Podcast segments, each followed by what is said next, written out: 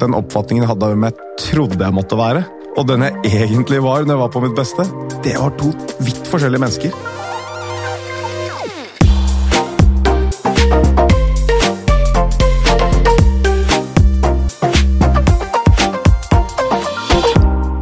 Skal vi lykkes i morgen, må vi ta gode beslutninger i dag.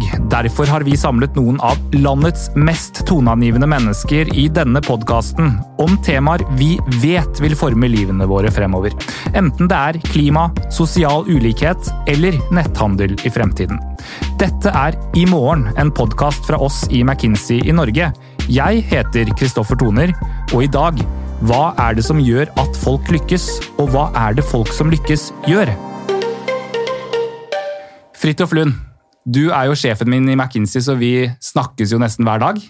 Men, men, det er jo lenge siden vi har sittet ansikt til ansikt. Det er jo veldig hyggelig, egentlig.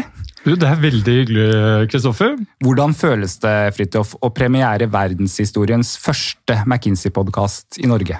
Verdenshistoriens første McKinsey-podkast i Norge. Eh, du, Det føles veldig bra. Det er jo litt også et ledd i at vi åpner litt mer opp uh, på hva vi holder på med i McKinsey og den innsikten vi har. Ehm, vi, mange oppfatter oss kanskje som litt eh, mystiske og litt under radaren, men sannheten er jo at vi forsker jo veldig mye på en del eh, sentrale problemstillinger i norsk næringsliv, og vi ønsker å bidra, og føler vel egentlig at det er litt vår plikt til å bidra eh, litt mer inn i eh, samfunnsdebatten rundt eh, en del viktig tematikk. Mm, og, og, et av de viktigste temaene, kanskje det viktigste av alle, Fridtjof, det handler om oss mennesker. Å hjelpe folk til å bli gode. Noe jeg vet du er skikkelig opptatt av selv. Hvorfor er det så viktig nå? Jeg tror det er ekstra viktig i dag, for det i hele debatten altså Nå snakker vi veldig mye om digitalisering, robotisering, automatisering, um, og kanskje særlig nå i det siste året under covid. Um, og jeg føler at kanskje en del av de diskusjonene sporer litt av. Um, fordi det blir veldig mye fokus på robotene som overtar, men eh, robotene vil jo ikke erstatte mennesker. Mm, ok, og det, det, er jo godt å høre, men, men, sånn jeg har forstått deg, så er det faktisk sånn at det haster litt nå med å bli bedre på å utvikle hverandre. Hvorfor det? Det har vi forsket masse på i McKinsey. Vi har akkurat publisert en rapport om det. Eh, der skriver vi i og for seg at eh, så mye som én av fire eh, jobber rett og slett eh, kommer til å eh, sannsynligvis forsvinne helt, eller i hvert fall i sin eksisterende form, eh, de neste årene. Eh, og da blir det enda viktigere for både enkeltmennesker og organisasjoner å bli gode på å gjøre folk gode. Eh, vi vet fra vår forskning at eh, organisasjoner som får til å systematisk utvikle sine ansatte, eller forløse hva skal si, talentet, de gjør det bedre enn konkurrentene, både målt i penger og i trivsel. Mm. Og det er ikke bare at det er sannsynlig, det er dobbelt så sannsynlig. Fridtjof, vi er ikke alene i studio i dag, for det sitter to andre rundt bordet her. Det er jo ingen ringere enn skistjerne og rødagutt Martin Jonsrud Sundby og ekspert i prestasjonspsykologi Anders Mæland. Velkommen begge to. Tusen takk. Tusen takk. Martin, la meg starte hos deg. Nå, nå, er det jo sikkert mange som kanskje lurer litt, fordi her var det en introduksjon om arbeidsliv, omveltninger, næringsliv og bedrifter. Eh, og eh, fokuset på mennesker som er viktigere enn maskiner, selv om kanskje mange har trodd at du har vært eh, delvis en maskin gjennom de siste årene. Men har du tenkt på hva du har lært som kan være viktig for næringslivet? Å ja, mye. Jeg har gjort meg opp eh, noen meninger om hvorfor ting har blitt som det har blitt, men det er også sånn, står igjen med en del spørsmål om hvorfor jeg gjorde som jeg gjorde. Altså, det er ganske mange sånne vurderinger av hvordan en karriere egentlig utvikler seg. Uh, og på hvilket tidspunkt Jeg har vært så heldig uh, anførselstegn, å, å, være verdens beste over en periode. Og så kan man spørre seg hvor, hvordan kom jeg dit, på en måte. Og det har vært ting som jeg håper å kunne ta med meg videre i, i livet i forhold til næringsliv, da, som vi snakker om her. Mm. Og det skal vi finne ut av litt nå. Men, men, først, hva er rett måte å si det på? Er det riktig å si at du har lagt opp, eller hvordan er det du omtaler det selv? Eh, jeg tror Hvis du skal definere det korrekt, så er det riktig å si at jeg har lagt opp de aller eh, største ambisjonene i uh, hvermannsens Det hvermannsen på en måte har å relatere seg til, da, som er VM og OL. Det har jeg bestemt meg for å ikke satse videre på. og jeg har bestemte meg for å konvertere til det som heter langløp, mm. langdistanse, så vil jeg jo påstå at det er ganske mange der som ville mm. blitt litt, litt uh, fornærmet hvis du hadde sagt at de hadde lagt opp. Så, ja. Så, jeg går fortsatt for å vinne de største langløpene, og da er det snakk om løp som Barcelonga, Vasaloppet og, og, og de, på en måte de klassikerne som hadde vært morsomt å få i beltet. Nei, Så du er ikke helt komfortabel med det, den merkelappen? Jeg er veldig ukomfortabel med den merkelappen. Ja. Uh, og den får for, gjør at jeg får lyst til å gå ut og si at det er absolutt ikke gjort. Nå kjører vi et OL til. Men, ja. uh, men vi gjør ikke det. Det er, uh, det er, nå nye mål, nye målsettinger, og så tror jeg det. Mm. For all ro i heimen er nok det en smart vurdering. Og du har jo sagt, Martin, at du var aldri blant dem som kunne late som man spurta seg til gull. Du representerer noe annet. Hva er det du representerer innenfor trening og eh, måten man jobber på for å nå målene sine? Den erfaringen jeg har tatt med meg for min egen kropp og mine egne resultater, handler egentlig veldig kort fortalt om at uh, hvis jeg gjorde alt litt bedre enn alle andre, så hadde jeg muligheten til å bli best. Uh, tok meg ganske lang tid ut i karrieren før jeg fant ut at det var sånn det fungerte. Jeg var uh, lenge tro på at ting skulle komme mer automatisk. At disse trappetrinnene som man snakker om i idretten, at, ta, at jeg skulle ta de nærmest uh, som en slags automatikk. Uh, det skjedde ikke. Jeg fikk veldig lenge ikke de resultatene jeg på en måte hadde sett for meg at skulle komme. Og, og det handlet om ekstrem innsats? Trene mer enn andre, trene bedre enn andre? Ja, Det er sånn floskelmåte å forklare det på, egentlig. Men det handler egentlig om at uh, idretten mm. min er liten på verdensbasis, men mm. fortsatt så er det sånn at de 50-60 beste i verden de er uh, ufattelig dedikert. De gjør en helt ekstrem jobb og, og kommer fra land uh, fort vekk hvor, hvor, det er det eneste som gjelder. Det, det er å lykkes innenfor idrettsarenaen, og hvis ikke du gjør det, så har du ikke noe liv. Det er disse vi konkurrerer mot. da i, i, en verden og i et Norge hvor jeg, alt er bra uansett, om jeg lykkes eller ikke. på en måte. Så det å, å være i den sfæren også og skulle bestemme seg for at jeg er nødt til å gjøre ting enda bedre enn han i Sibir Jeg er nødt til å planlegge dagene enda bedre. Jeg må få mer igjen for hvert minutt. Jeg må få mer igjen for hver time restitusjon. Jeg må ha en bedre strategi. Jeg må være bedre forberedt når vi står på startstrek 15.-20.11. enn det han har klart å, å, bli. Vi skal høre mer om hvilke av disse læringene du har tenkt å ta med deg videre inn i ditt ja, neste liv, i anførselstegn, eh, med langløp og kanskje i forretningslivet. Men før det, Anders Mæland, nå har vi snakket både med en toppleder fra næringslivet og en toppidrettsutøver fra idrettslivet. Og du har jo bein i begge leirer. Eh, du starta i oljefondet ved nyttår. Hva er det de kan lære av deg? Eh, Martin, tusen takk for all underholdningen og, og, læringen du har gitt. Eh, for det er fascinerende å se hvordan mm. idretten setter fokus på systematikk. Og det gjelder også innenfor det mentale domenet. At det, kroppen er, er, fysiologi, og den er psykologi. Så, men jeg, da, jeg, er da eh, fagkonsulent innen idrettspsykologi på Olympiatoppen. Eh, og har også leda et idrettspsykologisk laboratorium på idrettshøgskolen eh, et års tid nå. Og så søkte jeg på en stilling i oljefondet. Så der jobber jeg som human performance-rådgiver. Mm. Prestasjonsrådgiver. Prestasjonsrådgiver. Ja. Hva betyr det? Da? da handler det om å gi råd til en organisasjon der mennesket har noe å si.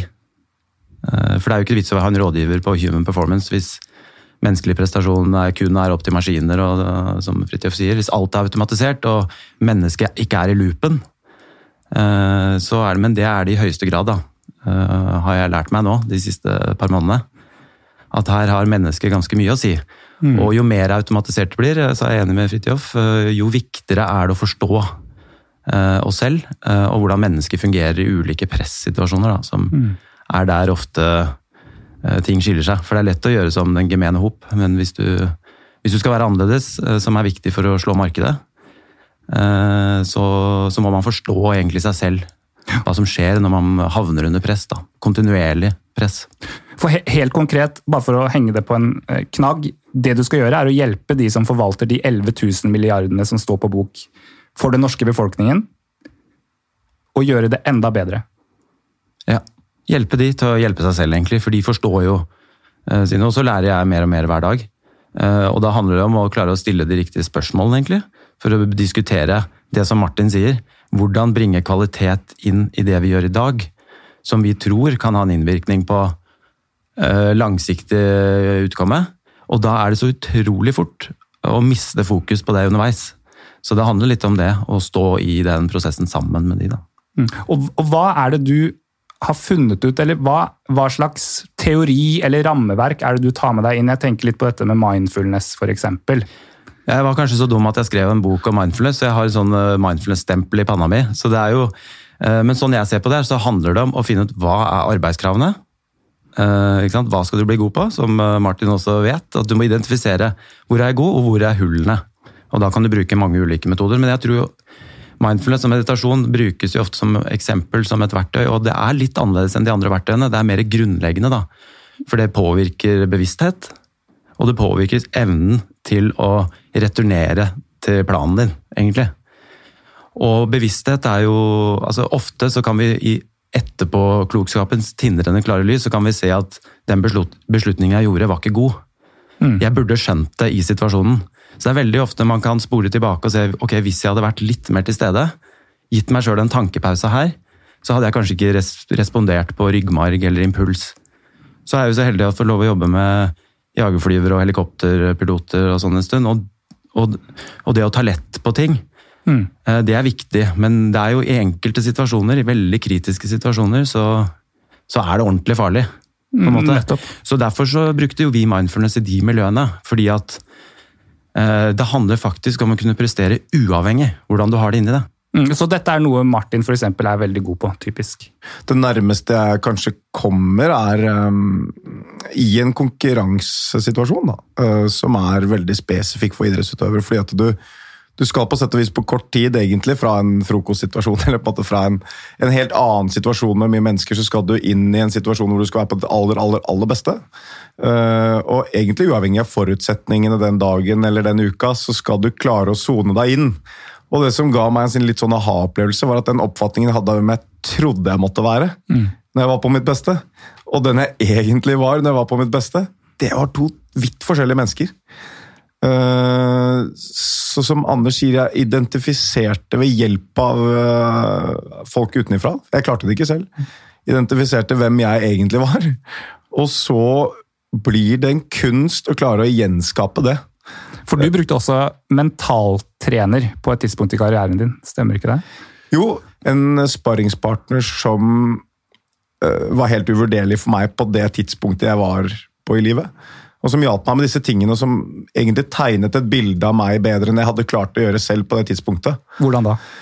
Uh, nei, vi er jo inne på noe av det her, da, i forhold til det og hvem er du når du presterer på ditt beste. og bare sånn For å skape et bilde av hvordan jeg trodde jeg skulle være, så var det egentlig basert litt på hvem jeg hadde sett på som hadde prestert rundt meg. Og på det tidspunktet hvor jeg egentlig ikke hadde slått gjennom enda, så var det mennesker som Tor Arne Hetland og det var liksom Petter Northug som, hadde, som herjet på den tiden. Og det var uh, disse som jeg da på sett så litt opp til, og så så jeg hvordan de agerte i en konkurransesituasjon. Så tenkte jeg jeg må sikkert være litt sånn, jeg òg. Aggressiv og inneslutta og uh, introvert og på en måte veldig sånn vanskelig å komme inn på. på en måte, jeg må sikkert være ekstremt fokusert. da. Og så fikk jeg hjelp til å identifisere at ok, kan ikke du bare dra frem Når vi møttes, jeg og Erik Bertrand, så var han veldig konkret Kan ikke du fortelle meg om de fem beste prestasjonene dine så langt i livet? Mm. Og så kan vi prøve å finne ut av hvordan du var, hvilken sinnsstemning hadde du i de situasjonene. da. Og så, og så, er jo dette en lang historie, den er sikkert fortalt mange ganger, men da kom vi frem til at første gangen jeg på en måte vant eh, et internasjonalt stort skirenn, altså mitt første verdenscuprenn, så hadde jeg kvelden før hatt en formening om at jeg var, kom til å bli sjuk. Jeg lå på hotellrommet, hadde egentlig gitt litt blaffen i den helgen. Jeg hadde gitt opp. Hadde gått og kjøpt meg to Lapin Culta på, på, butikken og egentlig lagt meg på senga og sett noen film og tok meg to øl, liksom. Mm. Og så våkner jeg på morgenen og så Jøss, hadde det gitt seg, de greiene der. Men da var skuldrene ekstremt lave. Ja. Uh, og jeg var egentlig bare kjempeglad for at jeg får gått skirenn i dag. ikke sant? Ja. Og, og, og, den personen var en blid fyr som egentlig var ganske pratsom. Han prata med folk rundt og hadde, et sinns, hadde god sinnsstemning. Uh, gikk på start, var løs og ledig, skulle gjøre det beste ut av situasjonen, og så vinner jeg mitt første verdenscuprenn. Og det er ganske stor forskjell på den personen og den jeg trodde jeg egentlig måtte være hvis jeg skulle prestere på mitt beste. Og så kommer vi til det vanskelige, da. Og det er jo å gjenskape det. Nettopp. For, når du er megastressa, du, du har egentlig lyst til å bare forsvinne inn i din egen mage. øh, Du orker egentlig ikke å spise frokost, du har ikke lyst til å prate med folk, så er det vanskelig å gjenskape å være han lugne fyren. Og ikke bare gjenskape det i skisporet som du har gjort, men nå skal du jo kanskje gjenskape det i helt andre situasjoner enn det du har gjort før. Langløp, men også f.eks. For i forretningsliv, næringsliv seinere. Ja, riktig. Så du kommer til å være den glade, lugne fyren rundt møtebordet. Eh, Ja, øh, ikke i alle situasjoner, men, øh, men jeg tror i hvert fall at i prestasjonssituasjon, som på en måte må også defineres bort fra treningsfase. Eh, Fordi vi klarer ikke alle å være i prestasjonsmodus døgnet rundt. Det går ikke.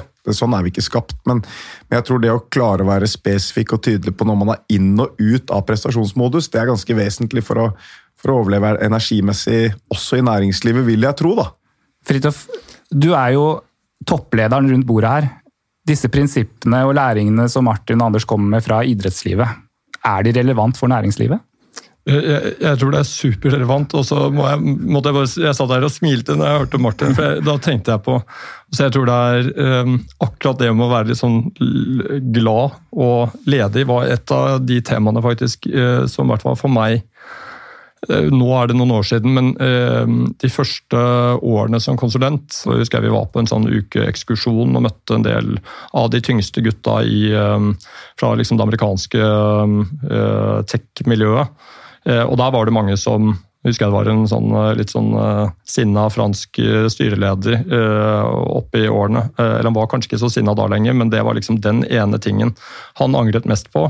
Det var at han ikke startet med meditasjon tidligere. Og da begynte jeg å tenke sånn Jøss, her står det liksom en supersenior fyr uh, og snakket om meditasjon. Hva er det? Og jeg husker jeg kom hjem og dro med meg et par uh, av mine beste kompiser på Ake meditasjon. uh, og de trodde jeg var litt sånn Hva er greia vi skal på nå? Og så har det jo i de ti siste årene etter det, så føler jeg at det har blitt et veldig sånn altså I McKinsey vi publiserer jo artikler rundt meditasjon. altså Det er liksom blitt en del av verktøykassa. da. Det er en del av verktøykassa, Anders, men du nevnte at du hadde jobbet med helikopterpiloter, jagerflyvere. Kan du ikke bare fortelle litt så vi forstår, hva er det du så da du gjorde en jobb i de miljøene? Ja, og, Det er kanskje eh, den erfaringen som jeg trekker mest på inn i finansmiljøet. Det handler om at det er OL hver eneste dag. Kanskje. Du vet ikke. ikke sant? Så det er veldig spennende. Eh, og da handler det jo om å hele tiden sørge for å gjøre de riktige tingene for å være godt forberedt. Du må gjøre alle ryggøvelsene dine, og du må sørge for at du har gode søvnvaner. og fordi du vet ikke helt hva morgendagen bringer. da. Og det blir mer og mer sånn i, i skal si, operative miljøer. Eh, Så da blei jo mindfulness egentlig en sånn åpenbar teknikk å begynne med. Eh, For det handler om å være fokusert eh, og, og observere når du mister fokus. Alle mister fokus, men det er de som har trent på det, kan returnere til planen fortere enn andre, da, kanskje. Og hva var det dere gjorde? Eh, Hvordan treninga så ut? Ja. Eh, Det er rett og slett bare å sitte eh, med lukkede øyne og observere pusten. Og grunnen til det er at pusten er dritvanskelig å fokusere på, for den er jo så monoton. Så det blir fort kjedelig. Og hjernen, når ting blir kjedelig, så finner den andre ting å gjøre. Så du får jo masse trening å returnere til her og nå. Altså du utfordrer skillen. Og så får du også trening i å bare sitte og observere følelser som de kommer og går. Og etter hvert så blir du litt sånn drittlei og agerer på alle følelsene. Du bare ser at Det vil si at har du fått en liten avstand til følelsene dine. Og, og det de operative opplevde da, var at når det dukket opp i ordentlig heftige situasjoner, så fikk de den lille avstanden til å se Oi, nå er det faktisk frykt som farer gjennom meg. Istedenfor å bli sånn Nå er jeg redd. For da tar du over kontrollsystemet ditt og handlingene dine. da. Og det var ikke dermed sagt at de ikke var veldig gode på dette allerede. Men er, du kan nesten aldri bli god nok på det. da. Eksempel i finans, hvis du plutselig ser at eh, nå faller alt. Eh, Røde piler. Røde piler, da kan det fort være at du faller for fristelsen å bli enten defensiv. eh, ikke sant? Og Da kan du sikre at du ikke taper for mye, men da tjener du heller ikke penger. Martin, uansett hva slags merkelapp du setter på dette, om det er mindfulness eller meditasjon eller andre ting, så er det jo ganske tydelig at dette er ting som du har trent på og er blitt god på? Er det sånn at liksom, du tenker at f.eks. å bli fondsforvalter i oljefondet, da, da burde du kanskje være god på det òg? Eh, som idrettsutøver har man en iboen selvtillit, men så langt går det nok ikke. Eh, Men hva tenker du om måte, dine neste steg, basert på at alt du har lært de siste 10-20 årene? Det jeg tenker, er at jeg mener at jeg har en verktøykasse stor nok til å angripe enhver utfordring. Uh, Og det er et uh, godt resonnement å kjøre for seg selv, fordi det innebærer jo for min del at uansett hva jeg finner på å gjøre etter at jeg har sluttet å satse på Vasaloppet, så kommer jeg jo til å jobbe akkurat like hardt med alle de andre tingene jeg gyver løs på. Eh, Fordi jeg har skjønt hvordan man gjør det, og jeg har lært meg hvordan man raskere kommer fra A til B, og hvilken dedikasjon som kreves. Og så har jeg tatt med meg noe som er som jeg har reflektert mye over da, sånn på måte på denne tiden av livet, og det er jo at jeg kunne ønske jeg også underveis var flinkere til å glede meg litt over reisen. Ja. Ikke sant? For at det er utrolig fascinerende å, eh, å bli bedre på ting. Det er utrolig fascinerende å på en måte gjøre ukene bedre og bedre, og dagene bedre og bedre. Men uh, hos meg så gikk det litt langt. Eller det ble en sånn obsession. Jeg ble veldig opptatt av at alt skulle bli verdensklasse, på en måte. Og glemte nok innimellom å glede meg litt over den reisen, for den reisen er kul, altså. Vi nærmer oss slutten eh, på tiden sammen. Eh, Anders, hva er den ene beslutningen som ledere, arbeidstakere som hører på denne podkasten, må tenke at den må vi ta? Er, det å hyre inn en ekspert som deg?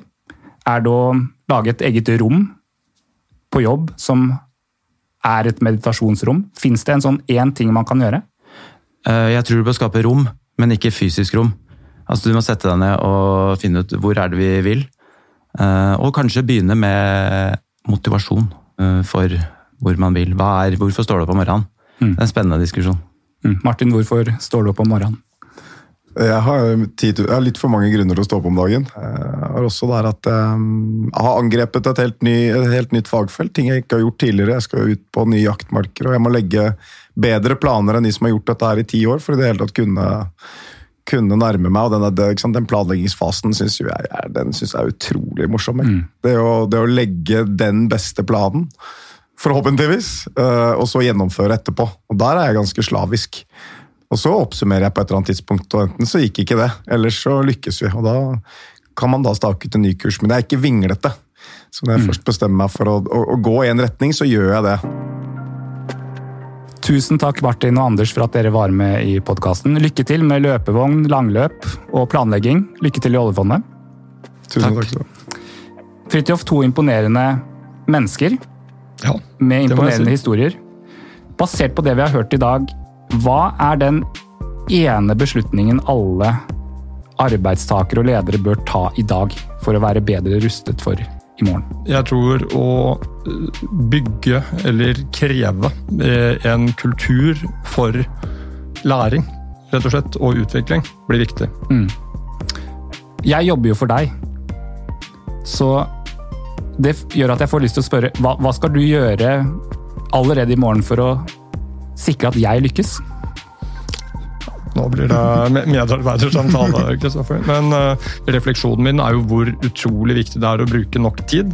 Og også kunne forvente, for det samme går jo tilbake til deg. Eh, Jeg kan bruke så, mye tid jeg kan, jeg, som sparringspartner eller eh, hva skal jeg si, coach for deg. Men du må jo ville. Du må ha motivasjonen til å endre deg. Eh, Og det er der jeg tror, i den symbiosen mellom at jeg bruker nok tid på det og er motivert for å, skjønne, ser verdien i å utvikle deg, og at du ønsker å utvikle deg, eh, da oppstår det jo endring. Mm, og endring til det bedre, får vi håpe. Tusen takk til deg også, Fridtjof. Det var alt vi rakk for denne gang. Har du spørsmål eller innspill til det du hørte i dag, send oss gjerne en e-post på imorgen at mckinsey.com. Neste gang stuper vi inn i en eldgammel debatt, likestilling mellom kvinner og menn. Men hvorfor får vi det ikke helt til? Og hvorfor er kvinnene tapere i koronapandemien? Tech-gründer Isabel Ringnes og Finans Norge-sjef Idar Kreutzer kommer på besøk. Ha det så lenge.